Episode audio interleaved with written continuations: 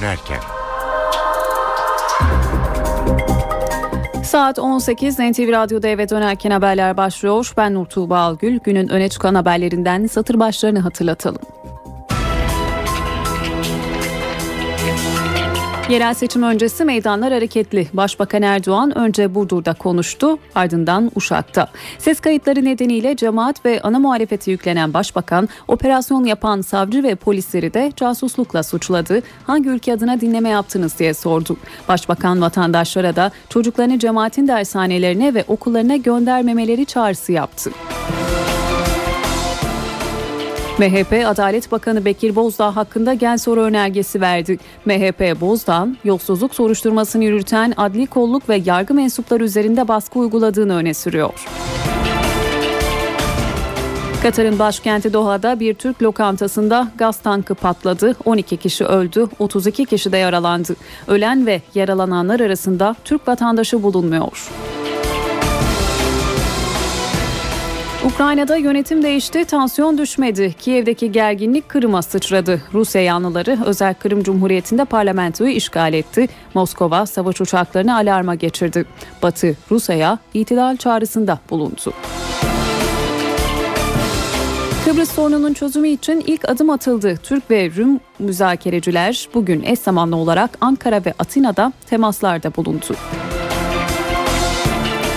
Mart ayında doğalgaza zam yapılmayacak açıklama Enerji Bakanı Taner Yıldız'dan geldi. Trabzonspor UEFA Avrupa Ligi'nde mucize peşinde. Bordo Maviller ilk maçta 2-0 yenildiği Juventus'u ağırlayacak. 22.05'te başlayacak mücadele NTV Radyo'dan naklen yayınlanacak. Ne zaman öleceğinizi bilmek ister miydiniz? Bilim insanları en azından önümüzdeki 5 yıl içinde ölüp ölmeyeceğinizi anlamanın mümkün olduğunu söylüyor hem de basit bir kan testiyle. Başlıklar böyle, şimdi ayrıntılar.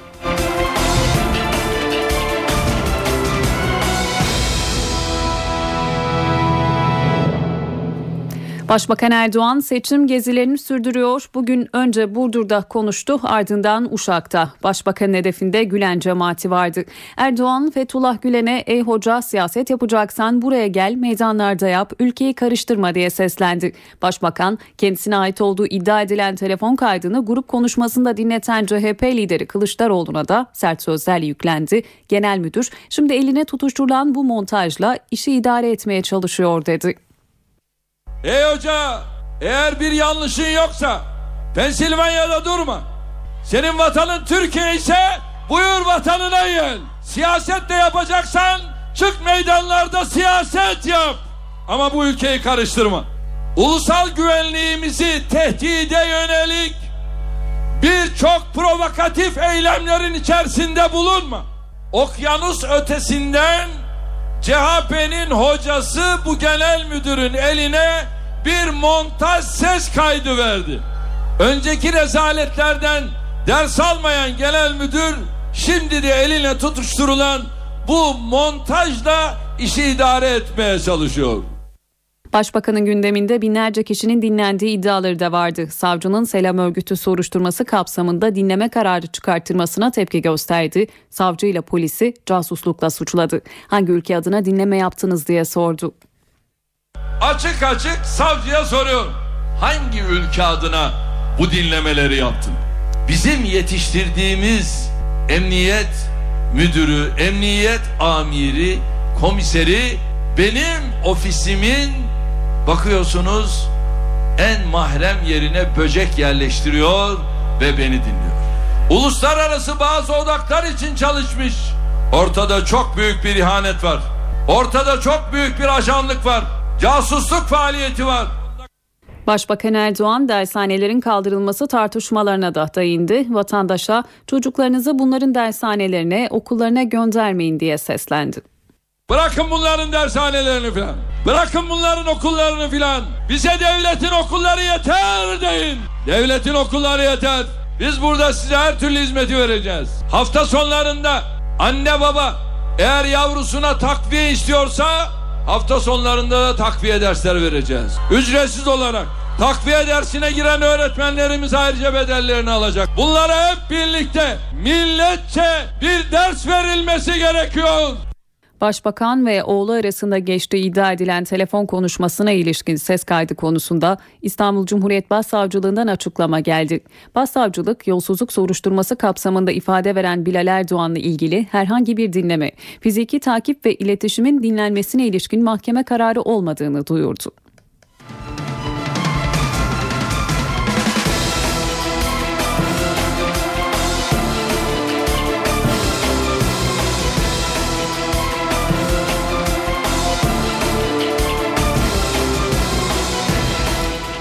Dünya gündemine bakalım. Ukrayna'da gerilim tırmanıyor. Bu kez adres Kırım Yarımadası. Özel Cumhuriyet Kırım'da parlamento işgal edildi. Rusya ve Batı yanlıları çatıştı. Moskova Batı ordusuna hazır olma emri verdi. Bununla birlikte savaş uçakları da alarma geçirildi.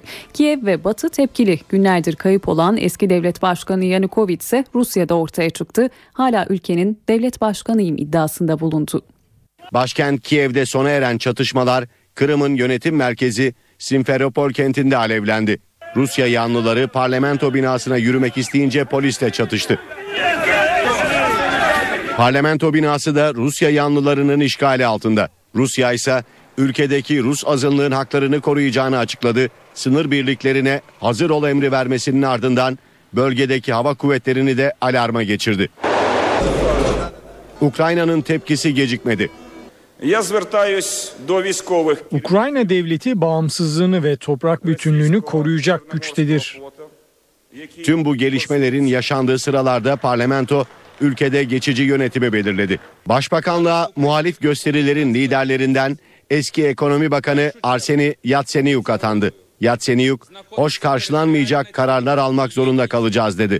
Şiddet olaylarının ardından Kiev'i terk eden ve günlerdir nerede olduğu bilinmeyen eski devlet başkanı Viktor Yanukovych'ten de açıklamalar var. Moskova dışında bir sağlık merkezinde olduğu ileri sürülen Yanukovych hala Ukrayna'nın hukuken devlet başkanı olduğunu söyledi. Moskova'dan can güvenliği de isteyen Yanukovych'e Putin yönetimi olumlu yanıt verdi. Kıbrıs sorununun çözümü yolunda önemli bir gün geride kaldı. Yarım asrı aşan sürenin ardından ilk kez bir Rum diplomat Ankara'da Dışişleri Bakanlığı'nda temaslarda bulundu. Rum tarafının atadığı müzakereci Andreas Mavroyannis, Dışişleri Bakanlığı'nda Müsteşar Feridun Sinirlioğlu tarafından kabul edildi. Bakanlıktaki görüşme yaklaşık bir buçuk saat sürdü. Eş zamanlı gerçekleşen çapraz görüşmeler kapsamında Kıbrıs Türk tarafının müzakerecisi Kudret Özersay da Yunanistan Dışişleri Bakanlığı Genel Sekreteri Anastasiadis Mitsalis de bir araya geldi. Her iki görüşmede de taraflara müzakere heyetleri eşlik etti. Edinilen bilgilere göre Türkiye, Rum temsilciye çözüm sürecine yönelik desteğini yineledi ve toplantıda müzakere sürecinin ivme kazanması temennisini dile getirildi. Katar'la devam edelim. Katar'ın başkenti Doha'da bir Türk restoranının çatısında gaz tankı patladı. 12 kişi öldü, 32 kişi yaralandı. Katar'ın başkenti Doha'da Türk lokantasında büyük bir patlama meydana geldi.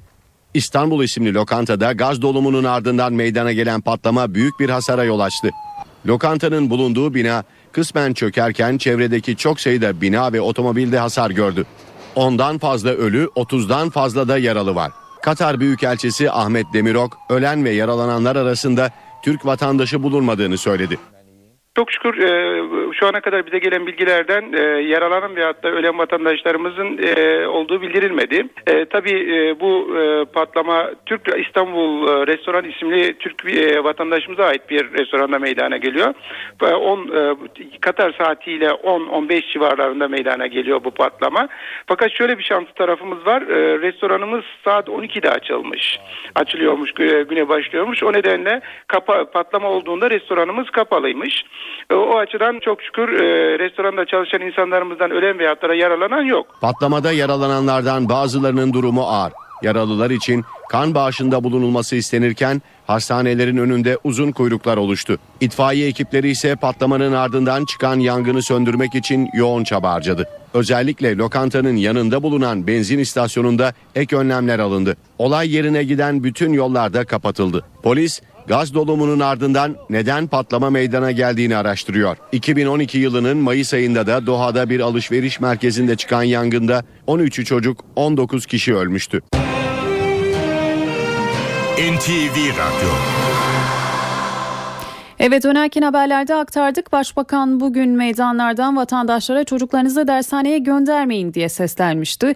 Bu kurumların 2015 yılına kadar kapatılmasını öngören düzenlemede Meclis Genel Kurulu'na geldi. Görüşmelerde ikinci güne girildi. Parlamento gününde değineceğimiz ilk başlık bu. Diğer konuysa parlamentoda yapılacak yapılan böcek araması. Sözü NTV muhabiri Miray Aktağ Uluç'a bırakıyoruz. Miray söz sende. Hükümetle cemaati karşı karşıya getiren dershane düzenlemesiyle ilgili görüşmeler Meclis Genel Kurulu'nda ikinci gününe girdi. İkinci gün görüşmelerinin sakin geçtiğini söyleyebiliriz. Aslında saat e, erken saatlerde öğleden sonra açılmıştı Meclis Genel Kurulu saat 14'te ancak o saatten bu yana partilerin grup önerileri olduğu için bu düzenlemenin görüşmelerine ancak geçtiğimiz dakikalar içerisinde başlanabildi. E, tasarının ikinci maddesi üzerindeki görüşmeler yapılıyor şu sıralarda ve Adalet ve Kalkınma Partisi'nin bugün geç saatlere kadar Meclis Genel Kurulu'nu açık tutarak bu düzenlemeyi geçirmesini bekliyoruz. Tasarıyla dershanelere kapatılmaları için 2015'e kadar süre veriliyor. Dershanelerin özel okul ve açık liseye dönüşmeleri için de 2018-2019 eğitim öğretim yılı sonuna kadar da süre tanınıyor. Ee, Erdoğan, Başbakan Erdoğan bugün bu konuya ilişkin bir açıklama yapmıştı. Dershane düzenlemesiyle ilgili ve bize devletin okulları yeter demişti. Başbakan Erdoğan'ın tabi bu kararlılığı da dikkate alınınca AK Parti kısa bir süre içerisinde bu düzenlemeyi Meclis Genel Kurulu'ndan geçirecek gibi görünüyor. Türkiye Büyük Millet Meclisi'ndeki bir başka konu ise yasa dışı dinlemeler. Bununla ilgili olarak mecliste alınmaya çalışılan bazı önlemler var. Meclis Genel Sekreterliği yasa dışı dinlemelere karşı önlemlerini artırdı ve bu önlemler kapsamında ilk olarak Meclis Başkanı Cemil Çiçek'in odasında böcek taraması yapıldı. Tarama sonucuna ilişkin Meclis Başkanı Cemil Çiçek'e bilgi de verildi. Meclis Başkanı bugün konuyla ilgili yaptığı açıklamada kendisinin bu yasa dışı dinlemelerle ilgili bir endişesi olmadığını ifade etti. E, ceza kanununda bunlarla ilgili e, bir takım cezalar olduğunu söyledi ve e, milletvekillerinin basına e, bu konuyla ilgili basına yaptıkları açıklamaları e, hatırlattı. Münferit olan talepler olduğunu ifade etti. Mecliste bu tür aramaların yapıldığı ile ilgili emniyetten daha önce alınmış araçların denenmesiyle ilgili olarak bu tür aramaların yapıldığını söyledi. Kendisinin bir talebi olmadığını ama geçen hafta sonu kendi odasında da bir arama yapıldığını herhangi bir şey bulunmadığını söyledi. E, ve konunun çok da büyütülmeyecek bir e, başlık olduğunu, bir konu olduğunu ifade etti meclis başkanı ama dediğimiz gibi mecliste bu hafta sonunda bu tür aramalarda yapıldı. Bir başka başlığı da aktarmamız gerekirse Cumhuriyet Halk Partisi'nden o, o başlık ise CHP Grup Başkan Vekili Akif Fazla Çebi bugün e, bazı şikayetleri vardı. Onlarla ilgili kameraların karşısına geçti. HSK yasası Cumhurbaş Cumhurbaşkanı Abdullah Gül'ün onayına rağmen resmi gazetede halen yayınlanmadı. CHP Anayasa Mahkemesi'ne başvuru için sabaha kadar yasanın resmi gazetede yayınlanmasını bekledi. Ve e, ilginç bir trafik de vardı. CHP gün boyunca mükerrer sayıda yayınlanmasını bekleyince iki milletvekili başbakanlık basım evine gönderildi. Ancak yasa resmi gazetede halen daha yayınlanmayınca e, Cumhuriyet Halk Partisi bu kez bir açıklama yapma gereği duydu ve atamalarla aynı anda yayınlamak istiyorlar dedi. Yani resmi gazetede yayınlandıktan kısa bir süre sonra hemen e, atamaların yapılacağını savunuyor Cumhuriyet Halk Partisi ve Anayasa Mahkemesi'nin bu yüzden yasa yok hükmünde değerlendirmesini istiyor. Zira yüksek mahkemeden bu yönde bir karar çıkarsa resmi gazetede yayınlanmasından sonra yapılacak atamaların geçersiz sayılacağı belirtiliyor. E, meclis gündeminden öne çıkan başlıklar özetle bu şekilde. Saat 18.20 eve dönerken haberler devam ediyor. Şimdi para ve sermaye piyasalarındaki işlemlere bakalım. Borsa İstanbul günü yarım puanlık yükselişte 61.779 puandan tamamladı. Serbest piyasada dolar 2 lira 19 kuruş, euro 3 liradan işlem gördü. Kapalı çarşıda Cumhuriyet altın 631, çeyrek altın 152 liradan satıldı. Aile ve Sosyal Politikalar Bakanlığı engelli, yaşlı, çocuk, şehit yakınları ve gaziler için çalışma başlattı. Ulaşım ve istihdam alanında birçok yenilik hayata geçirilecek açıklamayı Bakan Ayşenur İslam yaptı. Şehirler arası toplu taşıma e, engelliler için erişilebilir hale geliyor. 2018 son uygulama tarihimiz. Şehirler arası ulaşım 2018 itibariyle engellerin kullanımına uygun hale getirilecek. Aile ve Sosyal Politikalar Bakanı Ayşenur İslam, çocuklar, engelliler, yaşlılar, şehit yakınları ve gaziler için getirilen yenilikleri anlattı. İslam terör mağdurları ve yakınlarına tanınan haklarla ilgili de bilgi verdi. TSK e, mensubu olan ve güvenlik e, görevlilerinden hayatını e, kaybedenlerin yakınlarına iki, malul olanlara bir, diğer kamu görevlilerinden hayatını kaybedenlerin yakınlarına e, ve malul olanlara bir, sivil vatandaşlarında yine bir istihdam hakkı oluyor. Ve koruma altına alınan çocuklar. Bakanlık yasal olarak koruma kapsamından çıkan çocuklara da istihdam imkanı sağlayacak. İşe yerleştirmelerimizi bir merkezi sınav sonucunda yapıyoruz. Özel sektörde iş bulmaları ile ilişkili bir teşvikimiz var. Aile Bakanı çocuk gelinler sorununa ilişkin yapılan çalışmalarda gelinen noktayı da anlattı. Bu yasaları uygulayacak olan e, 6 bakanlığımız var. Bu bakanlıklarla görüşmelerimizi yaptık. Bilinç oluşturma meselesinde de toplumumuzun bilgi insanlarından faydalanacağız. Mart ayında doğalgaza zam yapılmayacak açıklama Enerji Bakanı Taner Yıldız'dan geldi. Bakan Yıldız enerji maliyetlerindeki artışa dikkat çekti. Buna rağmen direniyoruz zam yok dedi. Her ayın sonunda bir sonraki ayla alakalı doğalgaz e, fiyatlarını değerlendiriyoruz. Arkadaşlarımızla beraber bu toplantıyı yaptık. Sürdürülebilir dolar paritesi enerji maliyetleri üzerindeki yükünü daha da e, azaltmak durumundadır. Şu anda enerji maliyetlerimizi her zaman söylüyoruz. E, dolarla alakalı e, paritenin yükselmiş olması, ham petrol fiyatlarının 110 dolarlar seviyesine ulaşmış olması maliyetlerimizi arttırıyor.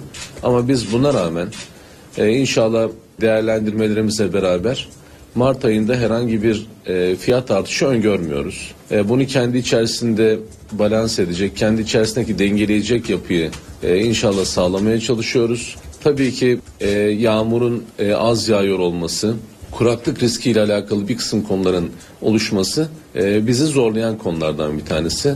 Ama tekraren söylüyorum Mart ayında herhangi bir doğalgazda fiyat artışı öngörmüyoruz.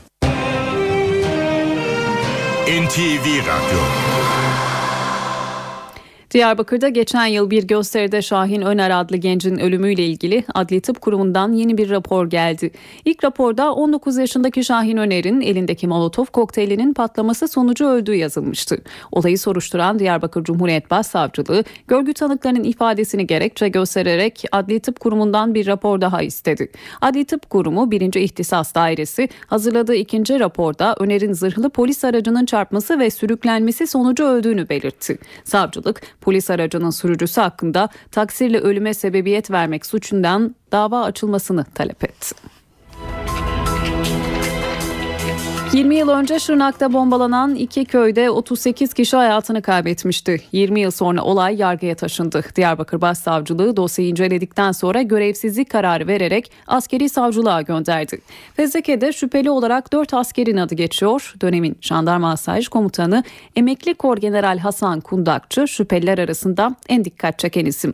Diğer şüphelilerde rütbeli askerler Adnan Karardıç, Metin Hazar ve İbrahim Erge. Fezleke'de bombardımanı yapan uçak uçaklardaki pilotların kimliğinin ise tespit edilemediği belirtildi. Mağdur avukatlarından Diyarbakır Barosu Başkanı Tahir Elçi, dosyanın zaman aşımına uğramaması için gerekeni yapacaklarını açıkladı. 20 yıl önce Malatya'dan kalkan iki savaş uçağı PKK'ların etkisiz hale getirmesi hedefiyle bombardıman yapmış, 38 kişi hayatını kaybetmişti. Mardin'deki Mor Gabriel Manastırı'nın tapusu vakfa iade edildi. Manastır arazisinin iadesi demokratikleşme paketindeki düzenlemelerden biriydi.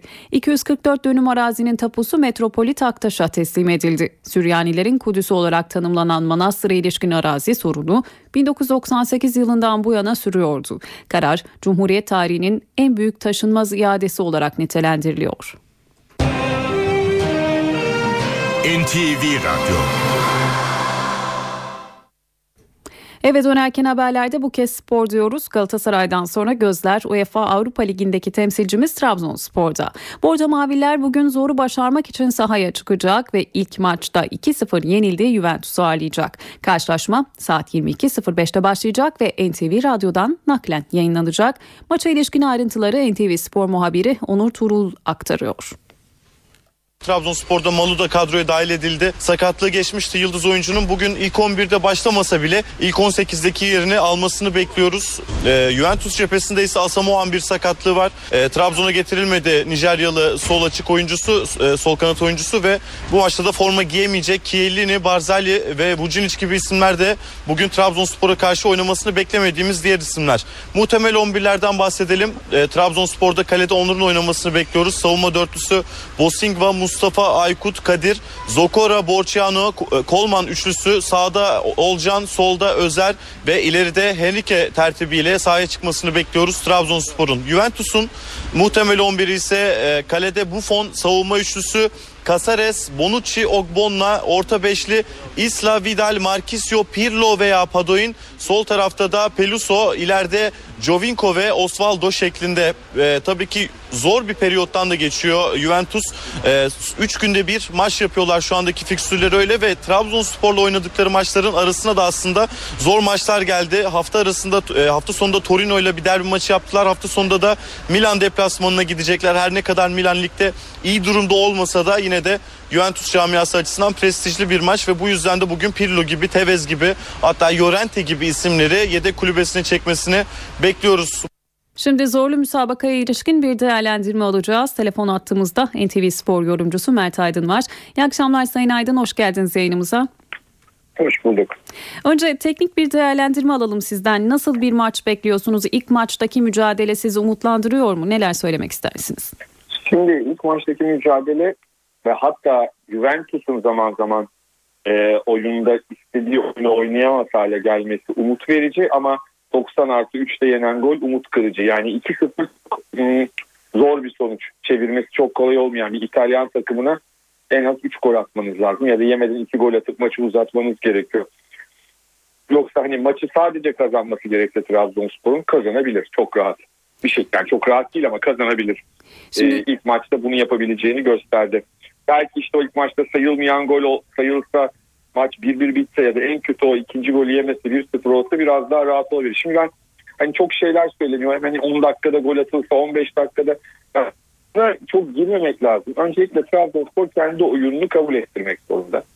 Ama bunu yaparken gol yememesi lazım. Çünkü bir gol yemesi halinde aslında hani bir gol atamaması değil bir gol yemesi halinde bütün umutları gider. Dengeli bir oyun benimsemeli ve tabii ki işte bireysel hataların en az olduğu ve ön tarafında iyi çalıştığı bir oyun gerekiyor ki Juventus biraz sallansın, biraz paniğe kapılsın, seyircinin de heyecanıyla kapılsın ama bunu yaparken aşırı panik havası, aşırı acelecilik bence Trabzonspor'u bu daha çok e, sıkıntıya sokar. Yoksa işte 15. dakikada 0-0 ise o zaman 16. dakikada sahayı mı terk etsinler diye sorabiliriz. Yani öyle 15 dakikada atalım falan değil de maçı bir şekilde 85 ve 88'de atacağımız iki golle de maçı 2-0 kazanıp uzatabilirsiniz.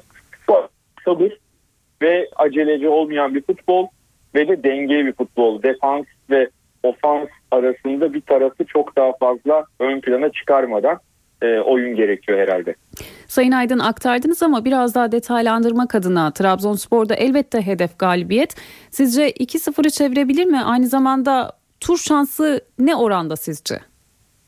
E, Şu anda çok yüksek değil. Yani bunu kabul etmemiz gerekiyor. %20'lerde 30'larda en fazla tur şansı ama e, e, tarihte futbol tarihinde böyle şanslardan maç çevirmiş çok fazla takım var. Yani bunun, bunun için e, direkt umutsuzluğa kapılmamak gerekiyor ama e, 2-0 bir İtalyan takımı önünde kolay çevrilebilir bir e, dezavantaj değil.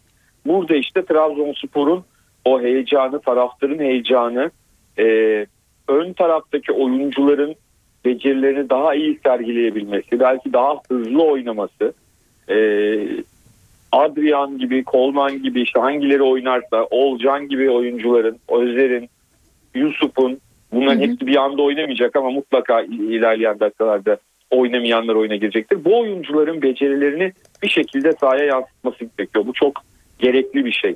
Bu kadar üst düzey bir takıma karşı oynarken bunları yapmak gerekiyor. İlk maçın benzeri o dönemlerde görüldü ki Juventus o kadar korkulduğu kadar e, büyütüldüğü kadar bir takım değil. Bu, bu açıdan buna dikkat etmek lazım. Ama diğer taraftan eğer siz bunu yaparken savunma e, aksiyonlarını biraz unutmuşsanız bu sefer de bunu değerlendirebilecek oyuncular var rakipte ve sizin umudunuzu tamamen bitirebilirler. Yani ben hep şunu söylüyorum. savunma ya da hücum ağırlıklı oynamak yerine Trabzonspor normal futbolunu oynaması gerekiyor. Yani bir risk alınacaksa bu 60'tan 65'ten sonra 0-0 ise hala o zaman gerçekten çok ciddi riskleri alırsınız. Hı hı. Ee, 6-7 oyuncuyla 8 oyuncuyla rakip yarı alana girersiniz ayrı mesele ama riski almadan önce e, önce oyununuzla bir şekilde oyununuzu kabul ettirmeniz gerekir. NTV Spor yorumcusu Mert Aydın teşekkür ediyoruz efendim yayınımıza katıldığınız için. Bu akşam ben maç 22.05'te NTV Radyo'dan naklen yayınlanacak. Bunu da bir kez daha aktaralım. Özetlere geçelim.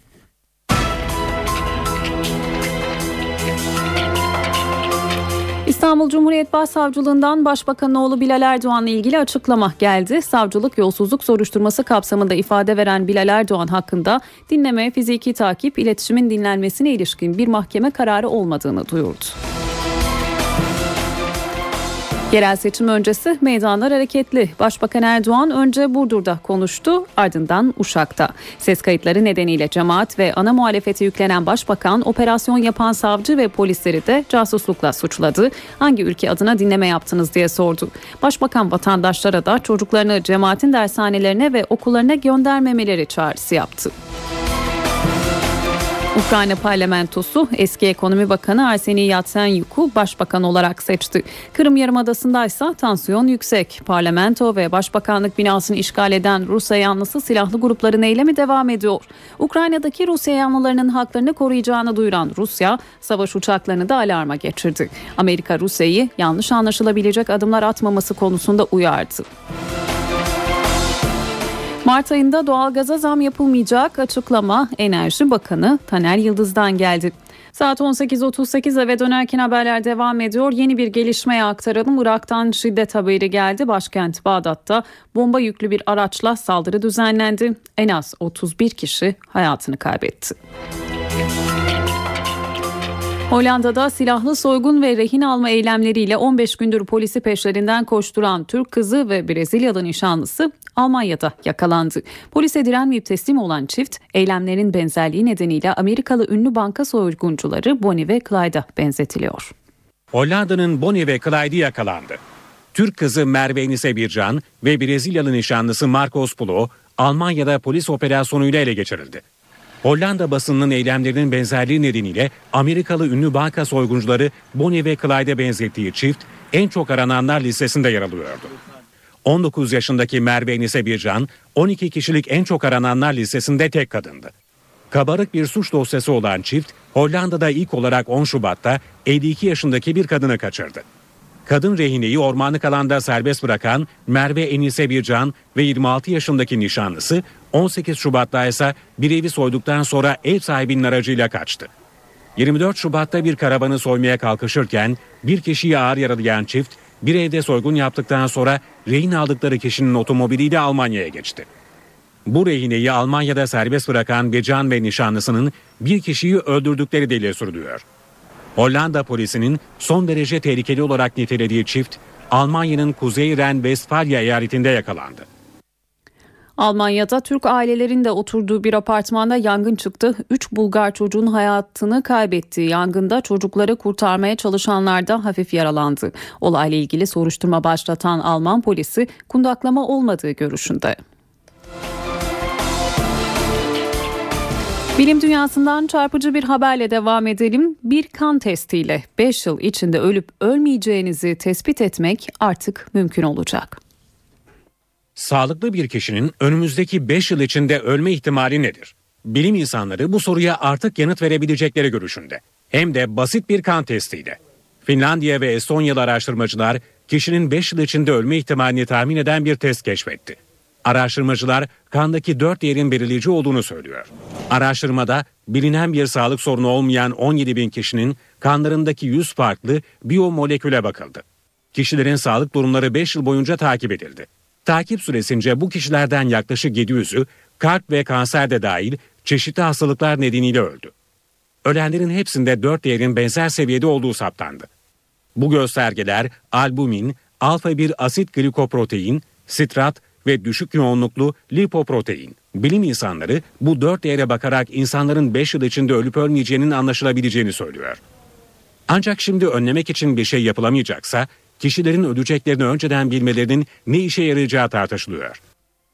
Bir keşif haberi de Amerikan Uzay ve Havacılık Dairesi NASA'dan. NASA, Güneş sistemi dışında 715 gezegen buldu. Üstelik 4 gezegende yaşam için elverişli alanlar olduğu bildiriliyor. Amerikan Uzay ve Havacılık Dairesi NASA önemli keşfe imza attı. NASA, Kepler teleskopunun Güneş sistemi dışında 715 yeni gezegen keşfettiğini duyurdu. Keşfedilen gezegenlerden birçoğunun bir yıldız etrafında döndüğü ve bizimkine benzer sistemlerde yer aldığı belirtiliyor. Gezegenlerden dördünün yaşam için elverişli kuşaklarda bulunduğu kaydediliyor. Gezegenlerin çoğunun dünyanın 3 katı büyüklüğündeki Neptün'den daha küçük olduğu NASA'dan gelen bilgiler arasında. Uzmanlara göre buluş, galaksideki gezegenlerin ortalama büyüklüğünün Neptünle Dünya arasında olduğunu gösteriyor. Kepler teleskopu 2009 yılında galakside yeni gezegenler keşfetmesi için uzaya fırlatılmıştı. Bu son keşifle galakside bilinen gezegen sayısının 1700'ü aştığı belirtiliyor. NTV Radyo'da eve dönerken haberlerde şimdi kültür sanat diyeceğiz. Günün etkinliklerinden bir derleme sunuyoruz. Saat başında yeniden birlikte olacağız.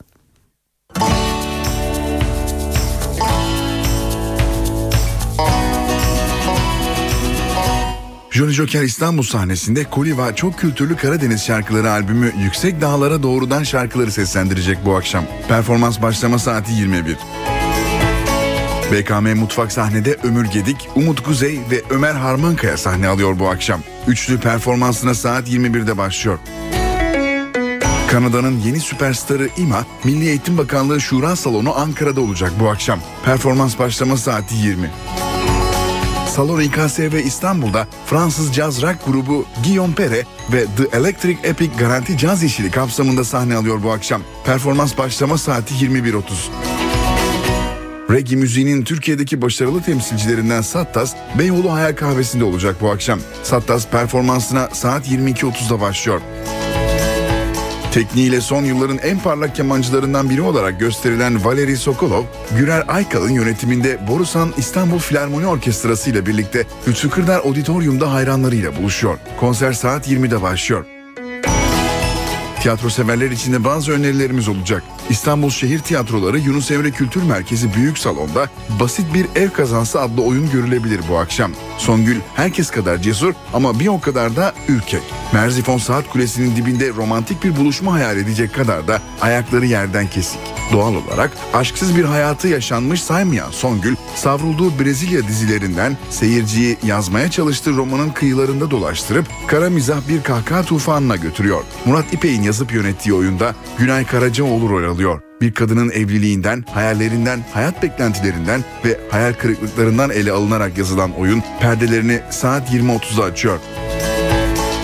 İstanbul Devlet Tiyatroları Üsküdar Stüdyo sahnede Hamlet sahneleniyor bu akşam. Işıl Kasapoğlu'nun yönettiği oyunda Bülent Emin Yarar rol alıyor. Oyunda oyun içinde ustaca oyun yöneten, sergileyen, yaşayan, soytarıyla soytarı, saraylıyla saraylı, en akıllı kadar akıllı bir oyuncunun nasıl olup da kılık, kimlik ve varlık değiştirdiğini kendi kendine soran kişi Hamlet'i anlatıyor. Shakespeare'in en çok oynanan oyunlarının başında gelen Hamlet, aynı zamanda en çok konuşulan, en çok yazılan, en çok yorumlanan klasik bir eser ve her çağda irdelenen zorlu bir karakter olma özelliğini de sürdürüyor. Oyun perdelerini saat 20'de açıyor.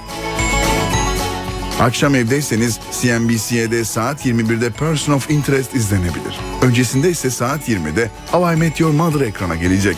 Star TV'de ise saat 20'de aramızda kalsın ekranda olacak.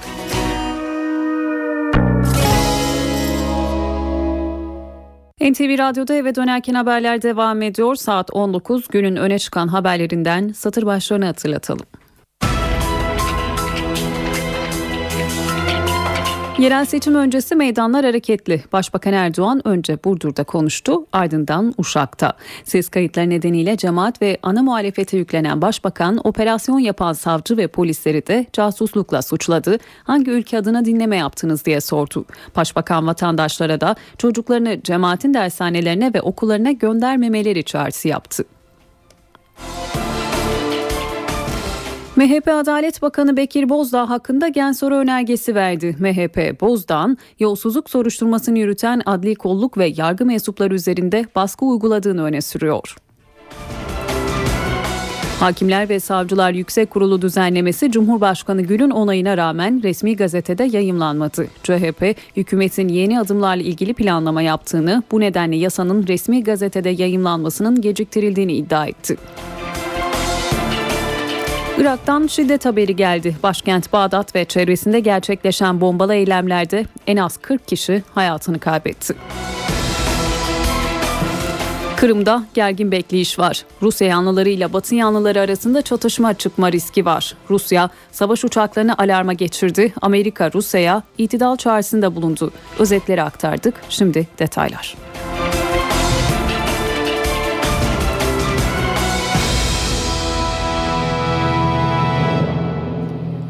Başbakan Erdoğan Burdur'un ardından Uşak'ta halka seslendi. Gündeminde dinleme tartışmaları vardı.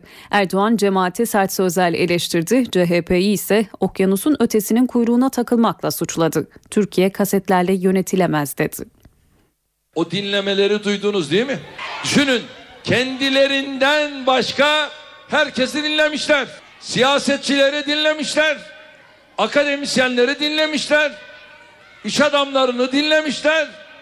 Bakıyorsunuz bakanları dinlemişler. Ya insaf be. İnsaf. Ve bunları da inkar ediyorlar. Ne inkar ediyorsun?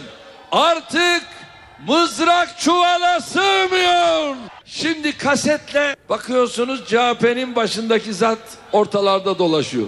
Aynı şekilde çünkü kendisi kasetle geldi. Kendisinden evvelki genel başkan kasetle gitti. Aç tavuk kendisini darı ambarında görürmüş. CHP de kasetle genel başkan gönderir. Kasetle genel başkan getirirsiniz ama bunu Türkiye'de hiç kusura bakmayın yapamazsınız. Eyvallah. CHP kasetlerle idare ediliyor olabilir.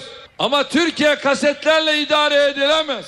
Bu kasetlere bu montajlara Türkiye teslim olmaz. Millet buna izin vermez.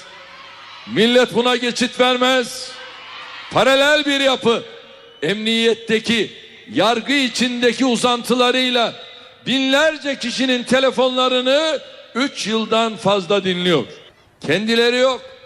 Peki niçin? Şantaj için. Bir kumpas. İstediği zaman istediği yeri kontrole alacak. Hakimler ve Savcılar Yüksek Kurulu düzenlemesi Cumhurbaşkanı Gül'ün onayına rağmen resmi gazetede yayımlanmadı. Muhalefet tepkili. CHP Grup Başkan Vekili Akif Hamza Çebi, hükümet yeni adımlarla ilgili planlama yapıyor, o nedenle yasanın resmi gazetede yayımlanmasını geciktiriyor dedi. MHP Grup Başkan Vekili Oktay Vural da benzer kaygısını dile getirdi. Cumhurbaşkanı Abdullah Gül, Hakimler ve Savcılar Yüksek Kurulu yasasını onayladı. Ancak yasa resmi gazetede yayımlanmadı. Yasayı onayladığı için Cumhurbaşkanı Gül'ü eleştiren muhalefet bu kez eleştiri oklarını hükümete yöneltti. Hükümet e, muhtemelen orada yapacağı atamalarla ilgili bir planlamanın içerisindedir.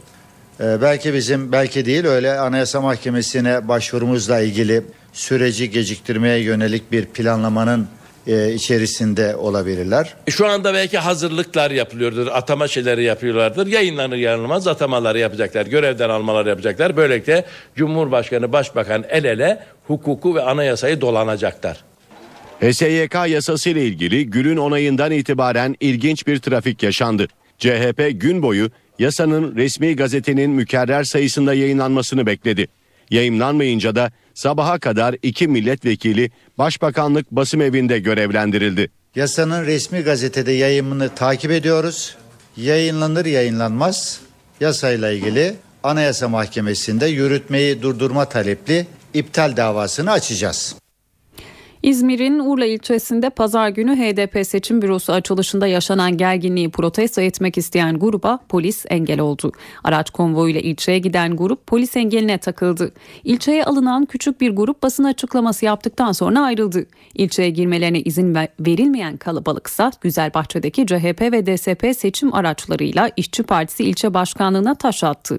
Pazar günü HDP seçim bürosu açılışında yaşanan olayda 10 kişi yaralanmıştı. NTV Radyo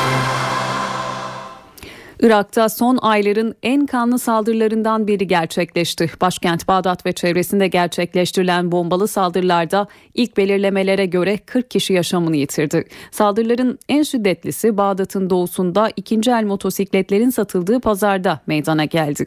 Bir motosiklete yerleştirilen bombanın patlaması sonucu en az 31 kişi yaşamını yitirdi. 50'den fazla kişi de yaralandı. Bağdat'ın doğusunda ve güneyindeki iki minibüse yerleştirilen bombaların patlaması sonucu da 9 kişi hayatını kaybetti.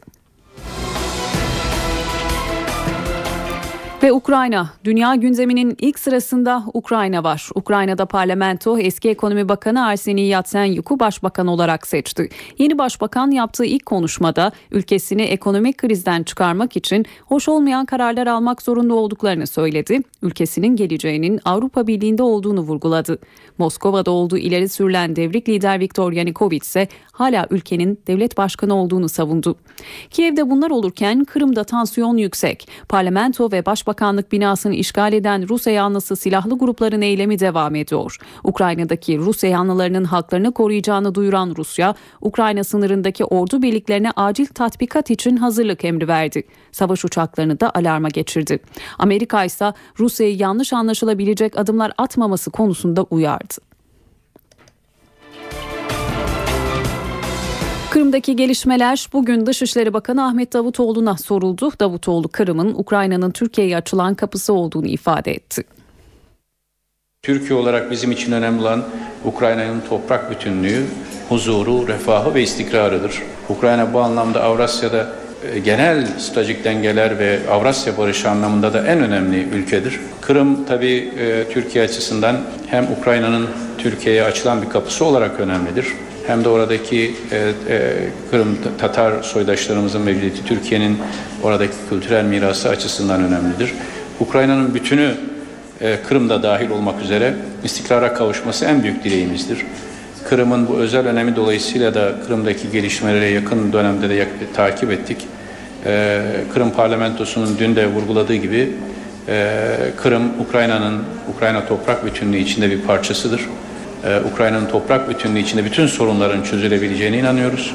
Kırım'da farklı etnisiteden, farklı kültürel e, ve dini kimliklerden gelen grupların yan yana barış içinde, huzur içinde, karşılıklı saygı içinde yaşamaları Kırım'ı örnek bir bölge haline getirecektir. Biz Türkiye olarak Kırım'daki bütün etnik ve mes- dini grupların e, bu anlamda e, liderlerine çağrıda bulunuyoruz. Bir araya gelin. Kırım e, Yarımadası'nı bir barış ve istikrar, refah e, bölgesi halinde Ukrayna'nın da kalkınmasına, Ukrayna'nın bütün diğer komşu ülkelerle, Rusya ile, Türkiye ile ve bütün Karadeniz'deki komşu ülkelerle iyi ilişkiler kurmasına bir köprü olarak değerlendirin. Almanya eski Cumhurbaşkanı Christian Wolff 6 yıl önce katıldığı bir festivalde konaklama ve yemek masrafının bir yapımcı tarafından ödenmesi nedeniyle hakkında açılan davada beraat etti. Hanover Eyalet Mahkemesi Wolf'un yargılandığı davaya ilişkin soruşturmalar sırasında polisin yaptığı aramalar nedeniyle mağdur olan Wolf'a tazminat hakkı da verildiğini söyledi. Wolf'un suç işlemediği kanaatine vardıklarını ifade eden mahkeme başkanı Wolf'la film yapımcısı arasında arkadaş ilişkisi olduğunu belirtti. Wolf duruşma salonundan çıktıktan sonra kendisini bekleyenler tarafından alkışlarla karşılandı. Mahkeme binası önünde gazetecilere açıklama yapan eski Cumhurbaşkanı kendisine iki yıldan beri destek verenlere teşekkür etti. Wolf, Hanover Eyalet Mahkemesi'nde adalet yerini bulduğu için rahatladım. Bundan hiçbir zaman şüphem olmadı dedi. Saat 19.16 eve dönerken haberlerde trafik durumuyla devam ediyoruz. İstanbul genelinde trafik bilgisini aktaralım. Saat itibariyle köprülerdeki yoğunluk başladı. Kent geleninde bazı ana noktalardaki ortalama hız bilgisini de sizlerle paylaşalım. Şu an itibariyle trafiğin en yoğun olduğu yollardan bahsedelim. Tem Hastal'dan Balta Limanı bağlantı yoluna kadar ortalama hız 15 kilometre. E5 Topkapı'dan Şirin Evler'e kadar yine 15 kilometre. E5 Perpa'dan Ortaköy Viyadüğü'ne kadar 9 kilometre hızla seyrediyor. Tem Balta Limanı bağlantı yolundan Kavacık Kavşağı'na kadar 21 kilometre hızda seyrediyor trafik. Ana caddelerdeki trafik durumu ise şöyle. Tem Hastal'dan bağlantı Balta Limanı bağlantı yoluna kadar ortalama hız 15 kilometre. E5 Havalimanı Kavşağı'ndan İncirli'ye kadar 15 kilometre. Tem Balta Limanı bağlantı yolundan Kavacık Kavşağı'na kadar yine 21 kilometre. Büyükdere Caddesi Zincirlikuyu'ndan Sanayi Mahallesi'ne kadar da 15 kilometre hızla devam ediyor. Şimdi E5 ve Tem'deki yol durumuna da bakalım. E5'te şu an için trafik başladı diyebiliriz. Oldukça yoğun olduğunu söylemek mümkün. Tem'de de yine aynı şekilde Boğaz geçişlerine bakınca Avrupa'dan Asya'ya E5'te Ok Meydanı'ndan Boğaziçi Köprüsü'ne kadar trafik aşırı yoğun. Boğaziçi Köprüsü Anadolu'yu geçişlerde de yine akıcılık söz konusu. Tem Hastal'dan Fatih Sultan Mehmet Köprüsü'ne kadar trafik akmıyor diyebiliriz. Yine Fatih Sultan Mehmet Köprüsü'nden Anadolu geçişlerinde trafik akmıyor demek mümkün. Asya'dan Avrupa'ya da bir göz atalım. E5 Boğaziçi Köprüsü'nden Ok Meydanı'na kadar açık bir trafik var. Boğaziçi Köprüsü Avrupa geçişlerinde etkili yoğun devam ediyor. Tem Fatih Sultan Mehmet Köprüsü'nden Hastal'a kadar da trafik açık görünüyor. Sahibinden.com Sahibinden.com trafik durumunu sundu. Sahibinden.com Ve spor diyoruz. Profesyonel Futbol Disiplin Kurulu Fenerbahçe Kulübü'ne bir maç seyircisiz oynama, kırmızı kart gören Baroni'ye ise iki maçtan men cezası verdi. Kurul Beşiktaşlı Ersan Adem Gülüm'ün iki maçlık men cezasını ise bire indirdi. Eve dönerken haberleri günün öne çıkan diğer spor gelişmeleriyle noktalıyoruz. İyi akşamlar. Türkiye'nin Avrupa Kupaları heyecanı Trabzonspor Juventus mücadelesiyle devam edecek. Bordo Mavili takım 2-0 kaybettiği ilk maçın rövanşında İtalyan ekibiyle bu gece Avni Eker'le karşılaşacak. Saat 22.05'te başlayacak maç Star TV ve NTV Radyo'dan naklen yayınlanacak. UEFA Avrupa Ligi'nde Trabzonspor ikinci tur rövanş maçında bugün Juventus'u ağırlayacak. Avni Aker stadındaki mücadele saat 22.05'te başlayacak. Rakibine İtalya'daki maçta 2-0 yenilen Bordo Mavililere turu geçmek için 3 farklı galibiyet gerek. Trabzonspor maç için Mehmet Ali Yılmaz tesislerinde yaptığı antrenman sonrası kampa girdi. Mide rahatsızlığı geçiren Mustafa Yumlu'yla sağ arka adelesinde ağrısı bulunan Bosingva çalışmaya katılmadı. Takımdan ayrı olarak salonda çalışan Mustafa Yumlu'nun Juventus maçında forma giymesine engel bir durumunun bulunmadığı belirtildi. Bosingva'nın ise maç saatine kadar tedavisine devam edilecek ve Portekizli oyuncu ağrılarının geçmesi durumunda zorlu 90 dakikada görev alabilecek. Sakatlığı geçtikten sonra takımla çalışmalara başlayan Maluda içinse son kararı teknik direktör Hami Mandıralı verecek. Bu arada Trabzonspor yönetimi Juventus maçı öncesi taraftara centilmenlik çağrısı yaptı. İnternet sitesinde yer alan açıklamada meşale yakılmaması, sahaya konfeti ve başka yabancı madde atılmaması, merdiven boşluklarına oturulmaması ve kötü tezahürat yapılmaması istendi. Galatasaray Kulübü Chelsea maçında Burak Yılmaz'ın gol değeri kazanmayan pozisyonu için itiraz etmeme kararı aldı. Sarı Kırmızılar UEFA'ya herhangi bir başvuruda bulunmayacak. Galatasaray Chelsea maçı sonunda kulübün hukukçularının konuyu görüşmek için bir araya geleceği ve durum değerlendirmesi yapacağı açıklanmıştı. UEFA kurallarına göre bir takımın maçın ardından 24 saatlik itiraz süresi bulunuyor. Başkan Ünal Aysal, İcra Kurulu Başkanı Lütfi Arubağ'la birlikte kulüp hukukçuları konuyu değerlendirdi. Toplantıda kural hatası konusunda emin olunamazken Chelsea maçı ile ilgili herhangi bir girişimde bulunulmayacağı öğrenildi. Kasımpaşa Beşiktaş maçında Kasımpaşalı Donk'un elindeki topu sahadaki topa fırlatmasıyla başlayan süreç maçın tekrarına kadar gitmişti. Terry'nin pozisyonu da akıllara Donk'un yaptığı hareketi getirmişti. Galatasaray ile Chelsea 18 Mart'ta bu defa Londra'da karşı karşıya gelecek. Spor Toto Süper Lig'de 23. hafta maçları yarın oynanacak iki maçla başlıyor. Haftanın programı şöyle. Yarın saat 20'de Akhisar Belediyespor Bursa Sporu Beşiktaş'ta Medikal Park Antalya Sporu konuk edecek. Cumartesi programında 3 karşılaşma oynanacak. Günün ilk mücadelesi saat 16'da. Kardemir Karabük Spor Gaziantep Spor'da kendi evinde karşı karşıya girecek. Saat 19'da ise Fenerbahçe Gençler Birliği ile Eskişehir Spor'da Kasımpaşa ile mücadele ediyor. Haftanın perdesi pazar günü oynanacak mücadelelerle kapanacak. Saat 13.30'da iki maç var. Sivas Spor Elazığ Sporu Kayseri Spor'da Kayseri Erciyes Sporu konuk edecek. Ardından saat 16'da Torku Konya Spor Trabzonspor'la karşı karşıya geliyor. Günün ve haftanın son maçı ise saat 19'da Çaykur Rizespor'la Galatasaray arasında Rize'de oynanacak. Beşiktaş Başkanı Fikret Orman Beşiktaş yönetimini kampa alıyor. Siyah beyaz yönetim Medikal Park Antalya Spor maçından sonra Sapanca'da iki günlük kamp yapacak. Başkan Fikret Orman yönetim kurulu üyeleri, sportif direktör Önder Özen ve kulüp üst düzey idarecilerin katılacağı bu kampta göreve geldikten sonra geçen 8 ayın değerlendirmesi yapılacak. Önümüzdeki döneme ait planlamaların ve stratejilerin de konuşulacağı kamp pazar akşamına kadar sürecek. Başkan Fikret Orman bu kamp uygulamasını yılda bir veya iki kez yapmayı düşünüyor. Euroleague'de bugün iki temsilcimiz sahne alacak. Anadolu Efes Barcelona'yı konuk ederken Galatasaray Live Hospital deplasmanda Maccabi Elektra ile karşılaşacak. Temsilcilerimizden Anadolu Efes grup lideri Barcelona'yı konuk edecek. Abdi İpekçi Spor Salonu'nda oynanacak olan karşılaşma saat 20'de başlayacak ve NTV Spor ekranlarından naklen yayınlanacak. Bir diğer temsilcimiz Galatasaray Live Hospital deplasmanda Maccabi Elektra ile karşı karşıya gelecek. Nokia Arena'daki mücadele saat 21.45'ten itibaren NTV Spor Smart'tan canlı yayınlanacak.